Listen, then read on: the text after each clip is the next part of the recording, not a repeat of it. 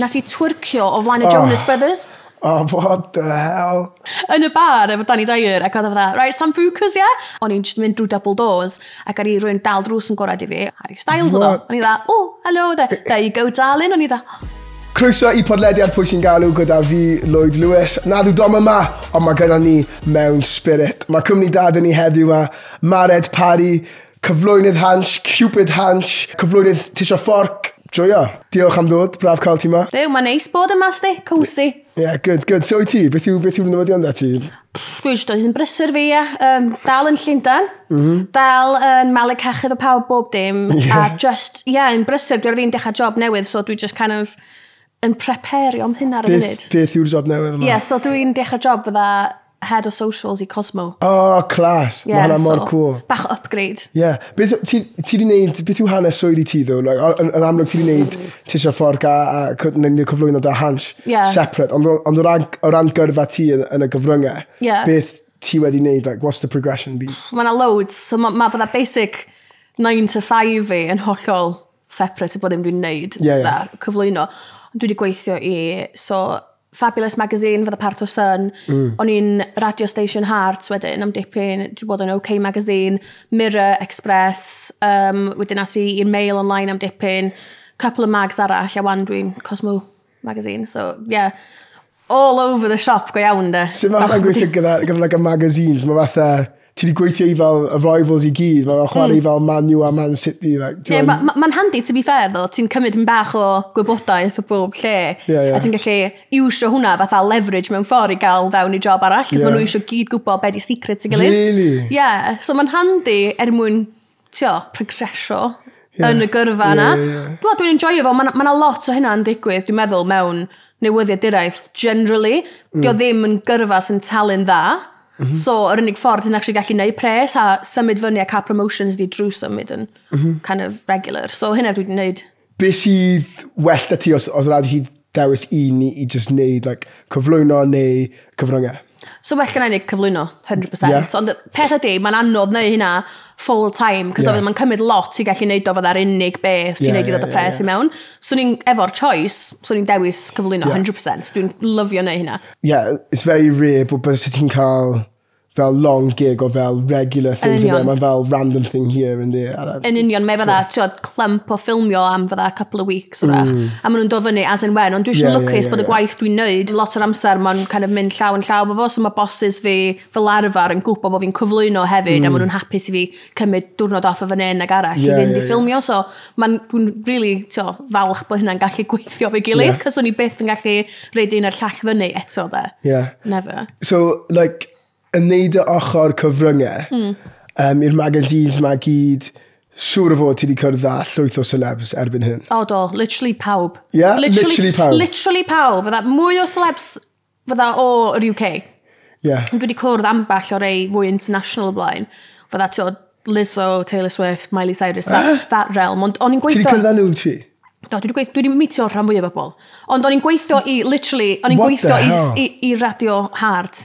Yeah. So, on, ac o'n i'n gweithio yn yr office yn Leicester Square yn ganol Llundan, a fanna mae'r studios i gyd, so peth oedd yr presenters o Amanda Holden a falle, hi'n neud y breakfast show bob bora, o'n i'n eistedd reit yn ochr y station. So, bob bora, o'n i'n cael A-listers yn cerdded pasio desg fi gyda, e, hi guys, good morning. So, oedd o literally bob single diwrnod o'n i'n meetio o leia un A-lister. Oedd o'n quite cool. What Ac o'n i'n cael chance i interviewio few yn y hefyd. Cos so, o'n i'n part o'r team digital. Okay. So I got to like take him into the studio next door. Quite so cool. bys ti fel um, in charge of fel stuff cyfryngau cymdeithasol, ie? Yeah? Mm -hmm. So bys ti'n neud stuff dyn nhw am hwnna? Well, mixture really, o'n i'n neud um, socials, ac o'n i hwnna'n fwy recent. Cyn na, o'n i'n fwy just straight newyddiduraeth. Mm. So, o'n i'n interview o'n i'n gwneud erthygla. Yeah, yeah, yeah. A interview o'n hynna o'n i'n neud ar y pryd, ond dwi wedi kind of pivotio mwy mewn i wneud yeah, yeah. uh, cyfryngau cymdeithasol wwan. Ie, yeah, efe, like, tro gyntaf o'n i'n cyrdd, oedd e'n prifysgol efe yn neud newyddiduraeth yeah. mm -hmm. yn, um, yn y trydydd blwyddyn. O, oedden ni'n cosio trwpl i gyd yn y lectures, ie. Troi fyny'n hwyr. Fi'n cofio ti, oherwydd oedd ti fel, ti oedd fel ffrind fi yn fyna. Like, o'n i ddim yn really nabod unrhyw un arall mewn fyna. A, a, a, a, pryd ni, o'n i ddim wedi siarad Cymraeg am fel three years. Yeah. So o'n i broed yn gallu siarad Cymraeg, fi mewn room llawn gogs, like, yn neud y modiwl i gyd yn Cymraeg. A yeah. chwarae teg i ti Mared, you, was, you was there for me. Like, o'n i, o'n i neis i chdi, oedd y ddau yn eich yn troi fan yn hwyr ac yn hangover ac o pawb arall yn really behafio oh, yn y ffrant yn syni'n nodiadau am bob dim ac oedd y ddau yn ni dda, oh, I'm, yeah. I'm hanging. Ti'n gwybod be ddw, bydd yna mor ffynnu, like, Oedd hwnna, wow, wow, like... Saith oed? Saith oed mlynedd yn ôl. Like, person i, like... Ie, beth yn ôl, fydda'n ni ar hans yna. It's weird bod ni ma. Oedd gold a ti o, neu syniad a ti beth o ti eisiau neud o fewn gyrfa o ran newid i direth neu... Im really, just bod yn successful. Yeah. Hynna bydd y goal, really, ni dda. Dwi'n joio siarad, dwi'n yeah. dwi joio producio, dwi'n joio yeah. creu content, dwi'n yeah, joio yeah, sgwennu. Yeah. Dwi'n gwybod o'n i dda, dwi'n licio bob area, so o'n i jyst yn kind of gweld pa job o'n i'n endio fyny mewn. A mm. dwi hmm. wedi endio fyny yn nhw gyd erbyn yr amser dwi'n 17. Yeah, yeah, yeah. dwi'n neud bach o radio, bach so o teli, bach o sgwennu, bach o socials. Ie, yeah, yeah, dwi'n dal ddim yn gwybod, to be honest. Ie, ti'n smash o feddwl. Oedd lot well gan ti'n neud stuff cyfryngau, mae'n swnio fel mae'n lot mwy hwyl, mm. beth o ti'n teimlo o ran fel y magazines a stuff, as opposed to fel bod yn gohebio'r newyddion neu rhywbeth. O, oh. Yeah. Like, o'n i beth yn mynd i fod yn rhywun sy'n neud news serious. Ie, yeah, ie. Yeah. Oedd a dyn am yn dod efo personoliaeth fi, really, na. Dwi, dwi just yn rhaid chatty, gan yeah. dwi'n cyfyd mewn tattoos a piercings, a dwi'n hegi loads, a dwi'n mega gog. Dwi'n yeah. meddwl swn i'n gallu gweld fi'n, tiodd, yn cyflwyno'r newyddion am yeah. naw o gloch, hello and welcome to... Dwi'n yeah, gwybod, diolch yn just sitio'n natural fo fi, ond bod ar red carpet yn malu cachu y a just bod mewn fydda A-list parties, a the glitz and glam, fydda. Hynna sy'n fun. Dwi'n gweld hynna'n hwyl, am ffac bod hynna'n job. Awesome. Yeah. Diolch yn talent dda, mind, ond mae'r perks worth it. Yeah, mae hwnna'n swnio'n amazing. Okay, ni gyda loads o cwestiwn e. Fi'n mynd i mhm. taclo nhw gyd, fi'n mynd i gofyn i ti am y parties ma, y celebs ma. Okay. Um, ond, wel, fi eisiau ateb ohono ti. Mm -hmm. Fi ti wedi dweud ti wedi cwrdd â pawb, mhm. literally cwrdd â pawb, ond pwy yw'r un mwyaf enwog, like, os ti angen dewis un? Mae'n anodd. Mae'n anodd. Varying levels of that cwrdd, basically. So, ni dweud, y person mwyaf enwog dwi wedi cael actual proper interaction hefo di Stormzy, probably. Okay, yeah. Nath o leitio sigaret fe iddo fi yn y smoking area yn y GQ Awards. Yeah. O'n i angen leitar o gynemin, o'n i ben fy hun, cos y gas i ddim plus one am bod o'n event more prestigious. Oh, no so eisiau'n kind of sefyll yn y smoking area fydda loser. But, oh no, I can't light it. A ni eisiau'n gweld grŵp o bobl, ac o'n i dda, you know what, fuck it, I yna. Dyn, oedd o'n ac oedd o, yeah, here you go, gaf o leitio sigaret fe iddo fi. Yeah, Legend. sound o'r interaction na? Nice guy, yeah. yeah o be ar fi siarad efo, pretty nice guy. Mae'n massive? Yeah, my mother's six foot five. Oh, it must be nice. Well, my carried been six foot five, so I'm kind of used to it. Yeah, yeah, nice. nice, nice, nice. Oes e unrhyw fel stories embarrassing ti cael fel gyda celeb encounter, like, have you showed yourself up? Am bach un, Pe dwi'n yn chwil mewn parti os dwi'n gofyn bobl am selfies weithiau. Which dwi'n trio peidio wneud, because dwi'n meddwl mae'n kind of unprofessional i dynnu lluniau mm. bobl famous, pe ti yn environment sort of safe no. Yeah, yeah, yeah, um, yeah, ond pyd o'n i'n fengach ac yn kind of newydd, ac o'n i'n mynd yn really chwil. And if it was a really big star, o'n i'n arfer gofyn y lluniau. Chwil, chwil, drunk. Ti wedi clon o blaen? Chwil. Mm -mm. Be ti'n be ti ddim yn Cymraeg? Chwil. Be di o? Chwil, di pissed, drunk. Yeah, got, uh, lost in track. That's, that's the gog south of Sorry, well, chwil, anyway. Na, fi'n dysgu. Chwil gachu, di really chwil. chwil gachu. Ga, gachu. Gachu. Yeah. Okay. So, on, so, ti, so ti di mynd yn really chwil. Yeah. A, yeah, beth yn digwydd. O'n eisiau dafod gyda lluniau fan o gwni'n kind yeah. cringe crinjo dwrna wedyn, ond potentially, mae hyn yn really random story. Nas i twyrcio o flaen y oh. Jonas Brothers. Oh, what the hell? Yeah. Like, how did, It's a weird... Ydyn nhw fel, nhw fel, nhw fel really wholesome na, gyda fel promise rings a stuff. Dwi'n gwybod bod nhw mor cute! O'n i'n obsessed efo'r Jonas Brothers, I'm like camp rock, a falle, tyfu fyny fan nhw, love them, I'm a Nick girl. A Nick, uh, dyn nhw'n ar ei welfi neu, fyd, mwy na neb. So, oedden nhw yn hart yn neud interviews falle, ar ei Nick popio allan o'r studio i fynd am to, quick pee i'r toilet, ac am bod yn gorau carapasio desks ni, ar y fi'n sylwi bod ar adael y first time, Ac oedd fi a'r genod a'r tîm ni'n gwrando ar single newydd Dua Lipa ar y pryd, just malu cachu, gwrando ar y stori. Ac um, physical oedd y can. Ac yn music video physical, mae'n neud aerobics. So o'n i yn meddwl sy'n ni'n copio'r music video ac o'n i'n actually o'r shaking my ass and stuff, having a great time. A dyn mae Nick yn gyda pasio gyda fo stopio a just kind of gwachad fi am rhyw 10 seconds. Ac oedd o tu nôl i fi ac o'n i'n gwybod bod o'n gwachad fi, chwerthin yn fi. Ac o'n colleagues fi gyd yn spinnu fi fe ddelen, Ac o'n i'n meddwl bod nhw'n amazed efo faint o amazing o tod yeah, ass-shaking yeah, skills fi. Yeah, yeah. Turns out, Nick Jonas was watching me. Mae hwnna ddim yn embarrassing, mae hwnna'n funny. Like, Ma, that's uh, crap. Ie, yeah, no, o'n i'n mortified, cos dwi'n yn gallu twyrcio, Fydda, dwi'n just that, you know, ti'n dweud Bob, Bob's Burgers meme yeah, now, lle mae yeah, yeah, that's yeah. me. Ti'n yeah, I'm just nice. not throwing it back right da. ac oedd yn gwatcha hynna'n digwydd.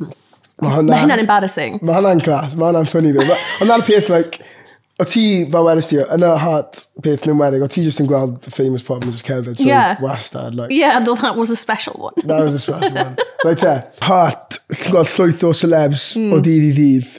Beth oedd fel um, interactions ti dan nhw? So, ie, yeah, oedd o'n oedd on mix. Oedd o'n really cool bod mor agos at y studio ac bob single diwrnod oedden ni'n cael gwybod pwy yn dy fewn yn diwrnod wedyn. Weithio oedden ni'n gwybod mis yn advance, cos ti'n gwybod os mae'n ma, na ffilm huge fel ar y funud mae Wonka yn newid premierio, so oh, obviously yeah. mae Timothy Chalamet wedi bod yn neud press tour, so ti'n cael ei gwybod pwy mae'r events mawr mae'n digwydd, ti'n gwybod quite a lot in advance pwy sy'n dod a pwy maen nhw'n dod yeah. i ffitio fe fe'r calendar ac o'na loads o ffrio efo'r genod ar desg fi, cos o'n i gyd fatha yn gorau cymryd turns i gael interviews. Cos weithiau, peth oedd big talent na mewn, oeddwn ni'n cael offro un slot efo desg ni, mm -hmm. neu chat. Ond, obviously, efo pimp o genod ar y tîm, os oedden ni'n cael, rymo, sei, ar hyn ddim digwydd, ond deus o Justin Bieber yn dod mewn, yeah, so ni gyd i bod yeah. fatha, oh my god, da ni gyd eisiau gwneud o. So oedden ni'n gorau fydda enwen ni mewn i het, oh, a yeah. pigo allan os yna mwy na un person eisiau interview'r celebs. Ond oedden gwrdd do, yeah. gas i ffiw, o'n o amball i berson o bobl jyst ddim yn cerio am interview ac o'n i rili eisiau interview nhw. Fydda Mr Schuster o Glee, ti'n gofio Glee? Fi'n gwybod bod e, fi ddim nes Like the show choir thing, yeah, yeah, yeah. O, bod oedden ni'n ysgol, really long time ago, throwback. A gyrru uh, Matthew Morrison sy'n chwarae Mr Schuster yn glydd a fewn i promotio sioe newydd o. Ac o'n i dda, I'm going in. Neb yn eich I couldn't care. Crickets. Yeah, Didn't yeah, want to yeah. come. Ond o'n i'n mor excited, so hynna'n cool. Yeah. Ond oedd good though. Really lle fun i weithio fe. Pawb fydda teulu. Pawb yn rhy hwyl. Os yna can dan oedd mlaen ar y radio ac oedd y radio hyd yn chwarae yn y building, obviously. Oedden ni'n crancio fyny, ac oedd pawb fel yn jumpio'r desks nhw fel un, yeah, like, yeah. good vibes, ac oedd pawb yn lyfio sesh. Oedd yn good. Yeah. Bob diwrnod o'r waith, pub dros, dros y ffordd. Really, mae hwnna'n beryglis. Oedd yn good vibes, ddo. Ydy hwnna fel, um, fel cadwylliant, like, Llundain. Mae ffrindiau fi wedi bod yn ei fel um, gyfraith na stuff, mm -hmm. a mhm. fel un all yn ei fel finance na. Mm -hmm. A nhw'n dweud, like, Mae'r drinking culture yn insane. Like, mm -hmm. Os ti'n mhm. mewn fel corporate job, mae pawb just ar y sesh 24-7. Yndi, go iawn. Yeah. Dwi'n meddwl hynna'n yn bath Llundain, dwi'n meddwl am bod na just gymaint on offer. Yeah. A mae pawb yn gorau sort of commutio mewn o'r outskirts i ganol Llundain i weithio. Mm -hmm. Dwi'n meddwl am bod pawb yn canol y ddinas, unwaith ti wedi gorffan gwaith, mae pawb mynd allan am drinks, mm -hmm. ac am bod ffrindiau chdi gyda pawb ti'n nabod yn y centre yn barod, mae pawb just o hyd yn lincio fyny am drinks ar ôl gwaith yeah, mynd yn yeah, ôl yeah, i lle yeah, ti'n byw. Cos ti'n meddwl, rhan fwy o mates fi gyd yn byw fydda awr i ffwrdd yn fi. Yeah, Yr ochr yeah. arall i'r city, mae pawb yn bell. Yeah. So dwi'n meddwl, mae hynna just yn normalised drinking culture fydda, especially ar ôl gwaith. Mae'n oh, wild. Mae Llundain i gyd fel la. Ond yeah. especially media industry, especially team fi yn fanna, loose. Yeah. Great vibes though. Loved it. Atgofion da, ia oh my god, dwi'n mynd cofio hanner nhw, ni o'n gret, de. Cras, happy days. Os ti'n gallu bod yn celeb, mm. pwy fysa pwy, yeah, pwy fysa ti? Ok, dwi'n meddwl am hyn, reid, a dwi'n gwybod bod y swnio'n basic, ond swn i probably'n dweud ar y funud mewn bywyd Taylor Swift, cys o lle mae currently okay. yn gyrfa hi. Fydda, Dwi wedi bod yn fan o'i stwf fydda deg oed mae'n. Dyma 17 years of solidarity yeah. efo Taylor. The, beth yw'r fan base? Beth yw enw y fan base? Dwi'n mwyn i'n siŵr, Taylor Nation, dwi'n meddwl maen nhw'n gael ei hynna. Dwi'n mwyn fatha hardcore stand, dwi'n just i licio sa'n un bach. Ond okay. am bod i wan ar y top of the game, mae probably y person mwyaf famous yn y byd currently, efo mae ar tŵr, yeah. tio, ar ei tŵr hi outselio tŵr Beyoncé a bob dim, like, mae'n huge. Mae'n mynd i fod tŵrist blwyddyn, sgorna ddi left, ffilm yn newid dod allan, mae'n rwy'n recordio dau neu tri album bob single blwyddyn. She's busy. So, sy'n ni'n lyfio mm. gweld mm. be mae fatha bod hynna chock a block a hynna.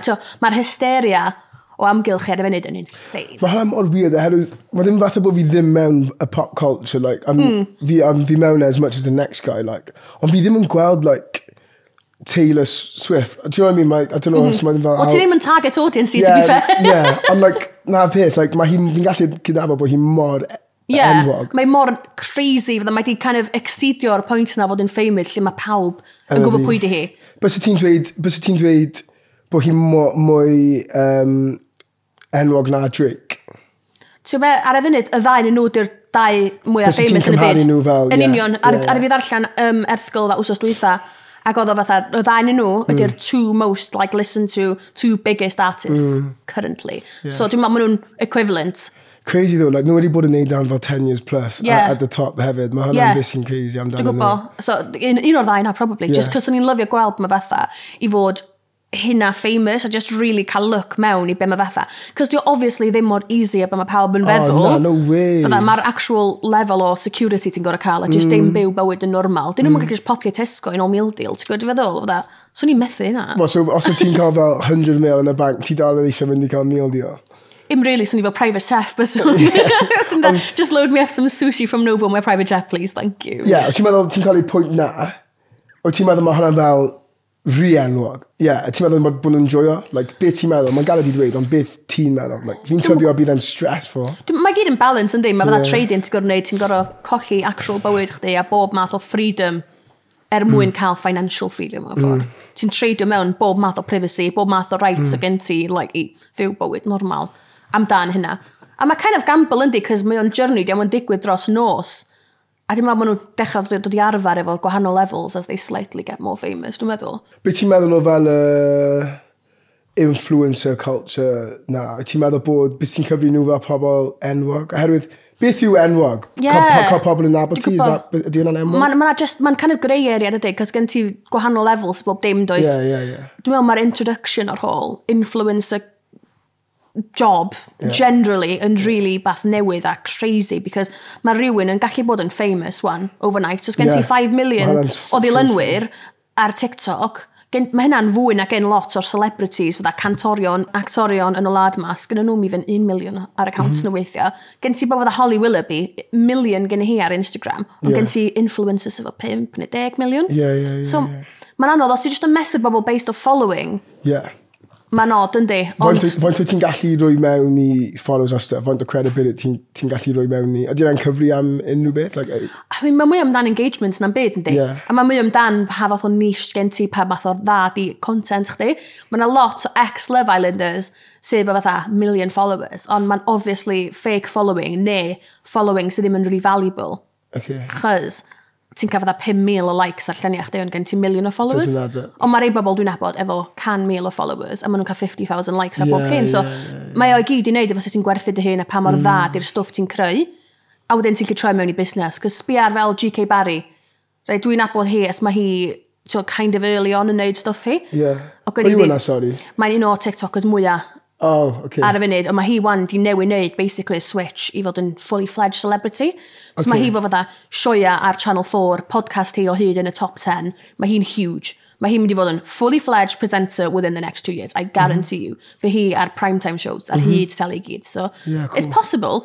Yeah. You've got to have talent. Yeah. And be good at what you do. Ti'n angen sefyll mas, meddwl, mae'n so saturated efo yn y byd na. Like, gyda, ti'n angen sefyll mas mewn rhyw ffordd. Mae o'n really overwhelming. Bob yeah. party dwi'n mynd i wan, PR parties, arfer bod just journalists a celebrities. A wan mae fatha, 10% journalists, 50% celebrities a the other 40% influencers. Yeah. A maen nhw gyd fel 19, efo TikToks ydi blowio fyny dros nos, a maen nhw'n troi fyny y ticket, like attitude, mae nhw yeah, it's, mae'n ffynnu, yeah. dwi'n gweld yn cute ddo. Fair play to them, so they're getting their coin. yeah, nice. Okay, cwestiwn nesaf. Snog mae o fwyd, ia? Mm-hmm, yeah. Maya Jama, Amelia, ti'n Dimoldenberg, Dimoldenberg yeah. Chicken Shop Date, a Millie Bobby Brown. See, so ni just yn licio snogio a prodi mae o jama. Yeah, fi. Is that allowed? yeah, mae hi'n... Hynna, so ni'n enjoy o neud, dwi'n lyfio i, mae'n amazing. Yeah, hi'n class. Um, Dwi'n gwybod, mae'r ddwy arall yn quite posh, a maen nhw wedi cael ei dwi'n i fyny fel loads o privilege, so it's not really my kind of vibe. Yeah. Um, ond... Nawr ni'n dweud, mae Maya Jam yn heiddi snog a, a Mari. Yndi, dwi'n lyfio, i, she's yeah. grinded. Yeah. Tio, dwi wedi dilyn stori hi es mae hi'n ifanc. Yeah. Leif bod yn gweithio fel cyflwynraig yn neud stwff i fydda Channel 4, MTV, es mae rhyw 16, 17. Oh, yeah. Mae wedi bod yn grindio. Oedd ti'n neud radio? Oedd, ac o'n i sioe radio un, dwi'n meddwl. Ah, oh, class. Ie, yeah. yeah, mae hynny'n popeth iddo. Yeah. Yeah, mae, mae, mae Ond mae ma di dod yn really slow bach efo lot o waith, which dwi'n really appreciate yeah. efo hi. Mae'n gyd yn gweithio'n galed, to be fair, though. Swn am o'i jam, ti'n gwybod beth, beth ti'n gwybod yn neud fel Love Island host? Wel, swn i'n lyfio hynna, Lloyd, that would be nice, wouldn't it? Swn i'n fel loads o bres. Ti eisiau dechrau, ti eisiau ni cym, um, mynd i comisiyny yr gofyn am Love Island Cymraeg. Please, hyn, da ni'n trio wneud, ia. Lle gallwn ni fod? Lle bydd, lle bydd y Love Island Villa yng Nghymru? Oh gosh, o'n i'n gorau fflip o allan bysyn. lle, lle, bys, lle bysyn ni? Sa'n gorau bod yn Ynys Môn? Na, na, mae angen bod yn... Ie, yeah, Ynys Môn. Sa'n gorau, hwnna di'r Love Island. Ie, ie. Mam Cymru. Da ni'n gorau mynd yna. OK, na i pitch fe, ia. Na ni gweithio ar y pitch gyda'n gilydd. Sôn am llefydd yng Nghymru, mm. Llundain te, neu blaen o'i Ffestiniog. Oh, Dwi'n ar rili'n cwestiwn. Dwi'n cwestiwn. Shoot, shoot. Obviously Llundan, de. Wyt ti'n caru Brenna Ffestiniog, really? Like, mae ma lle yng Nghalan ti Brenna Ffestiniog, siwr mewn ffordd, dwi'n lyfio'r diversity sy'n dod yeah, efo yeah, byw yeah. mewn dinas mawr, a yeah. just yr opportunity sy'n gallu cael, yr attitudes, ti'n cael fydda viewpoints chdi wedi challenge o hyn, dwi'n yeah, joio yeah, hynna, yeah. dwi'n caru teulu fi, dwi'n falch bod fi dod o lle fel ac, mae'n dysgu lot i fi, ond dwi'n yeah, just, swn i beth yn mynd yn ôl e, na de. Yeah. Fi'n fi meddwl ddo, fi'n like, fi dal yn byw yn Cymraeg, fi sy'n symud i Caerdydd, mm -hmm. ond mae dim ond hanner awr i ffwrdd. Yeah. Ond like, fi wastad, bys ni wastad yn caru like, Cymraeg, like, fi yn caru fe, like, mm -hmm. ond yeah, mae fe wedi ti, mae He's going to get But mae'n mynd yn diflas i fe. Like, mae'n teimlo fydda era o bywyd fi, lle dwi'n falch i fod o'na. Ie, yeah, ie. Os o'n i ddim deg oed, o'n i'n hyd a dwi eisiau symud i Llundain, dwi eisiau symud i Llundain. O hyd, yeah. yn bren fi, es dwi'n hogan fach, o'n i dda, edrych aros yn dwi wedi gone hen i symud i ffwrdd o fyma. Ie. Yeah. It's always been the e- way. Oedd e y wasyn yn Llundain, ie. O ti eisiau mynd? Ie, yeah, Llundain yn New York, oedd o hyd jyst dda, y lle fwyaf, y lle pella, y lle efo fwyaf, ti'n hopes and dreams are going to come true sort of vibes. Yeah. I'm very much a romantic at heart. Yeah, yn bren fi, dwi'n just lyfio romanticisio bob dim, so. Ydy, Oedd Llundain yn beth oedd ti'n disgwyl? Um, oedd lot fwy drud na beth ni'n disgwyl. Yeah. Um, really? Oedd o'n ti fel ddim yn, ddim yn really cael syniad neu yn, o ti'n meddwl oedd yn drud ond oedd yn hyd yn oed mwy drud na hynna. So o, oh, sa chdi bydd yn coelio, mae chdi ar y funud, mae bod dim yn mynd yn nuts yn deud fydda, yeah, mae bod dim mor drud. Ond byddwn i symud yna, yn bren fi, o gynnau fel, mae yna scene ma'n Ugly Betty, which I don't expect you've watched, de. Ond mae yna scene lle mae hi'n symud i Llundan, a mae jyst dda, oh my god, everything's possible here. Fel o'n i'n expectio yeah, yeah, yeah. amser fi fod. Oedd o ddim fila.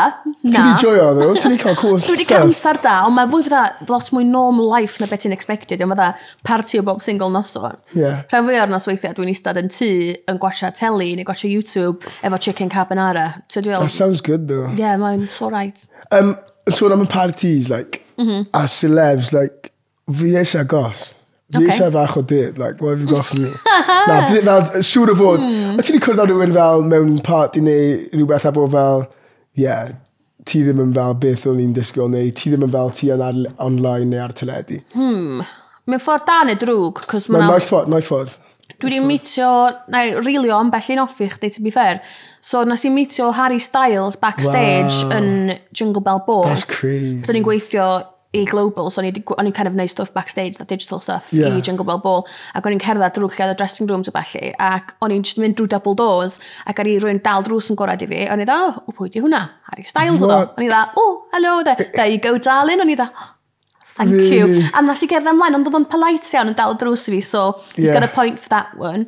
Mae hwnna'n clar. A hwnna'n cool, cos yeah. dwi'n gallu dweud, mae yna loads o Harry Styles fans yn bod oh, Pwy dwi'n mention o'r nuggets yna information mwyn nhw gyd, a fydda, oh my god. So, hwnna'n hwnna fun one to fling yeah. out. Oh, hwnna'n funny.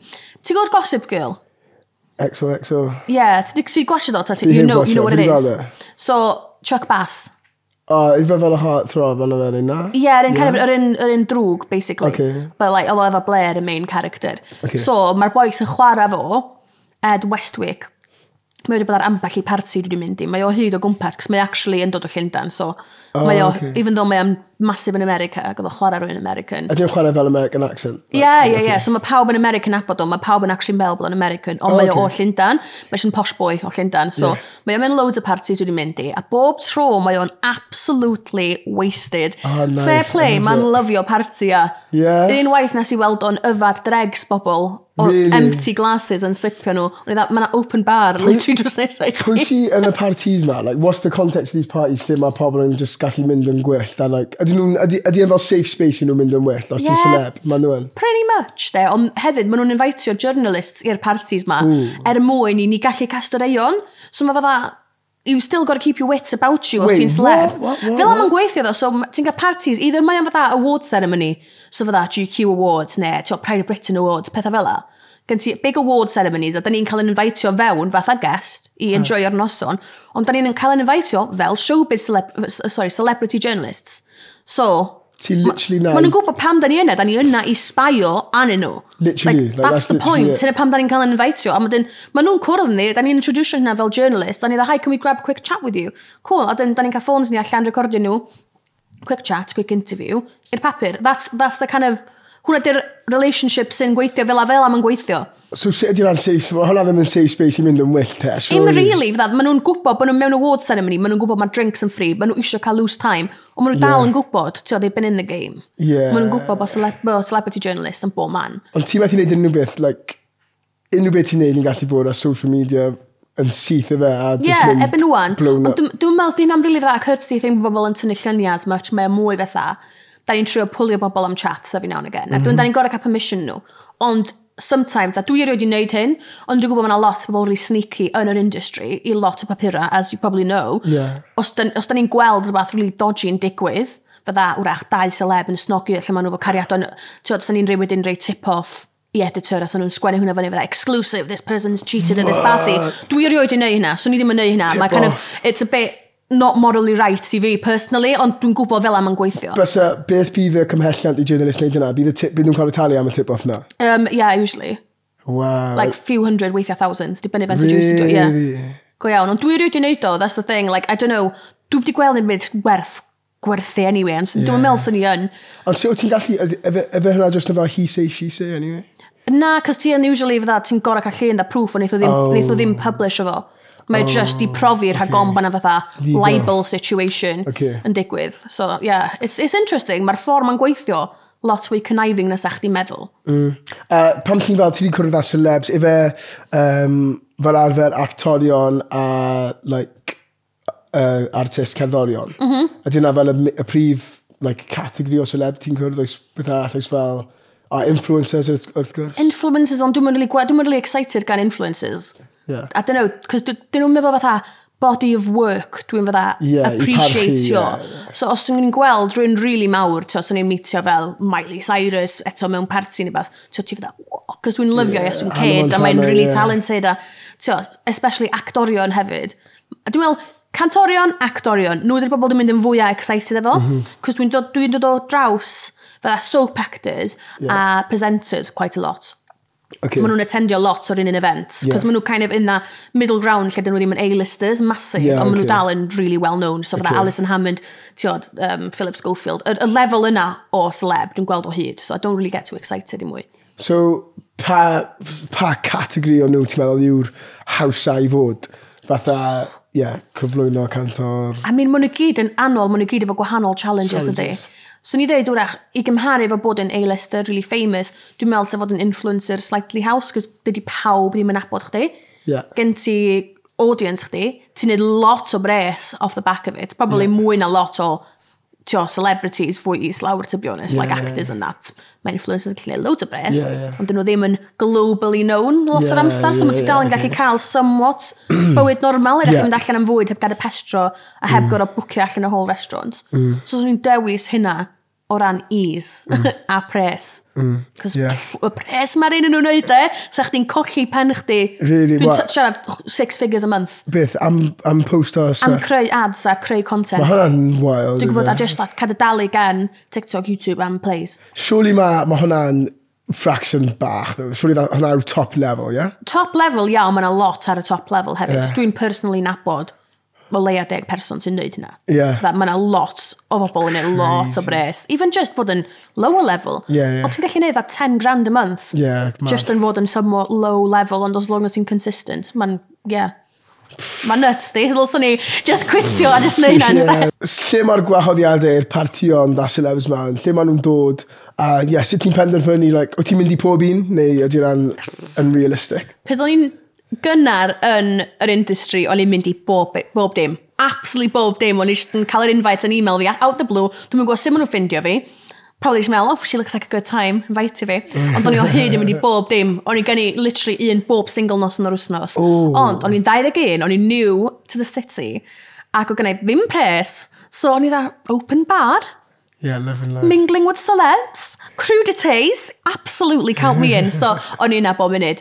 Ond wwan, dwi'n fatha, dau neu dri o'r wsnos max. Mae hwnna dal yn loads. Ti ddim, ti ddim yn medru pob un, surely? Na, as in, dwi'n dwi, ond gallu mynd i couple, ond dyn nhw ddim i gyd yn massive celebrity parties, mm -hmm. just i fod yn clear. Mm -hmm. Weithiau maen nhw jyst dda launches bach neis, maen nhw fatha sit-down dinners oh, i, nice. i celebratio brand newydd, mm -hmm. sy'n newydd fatha.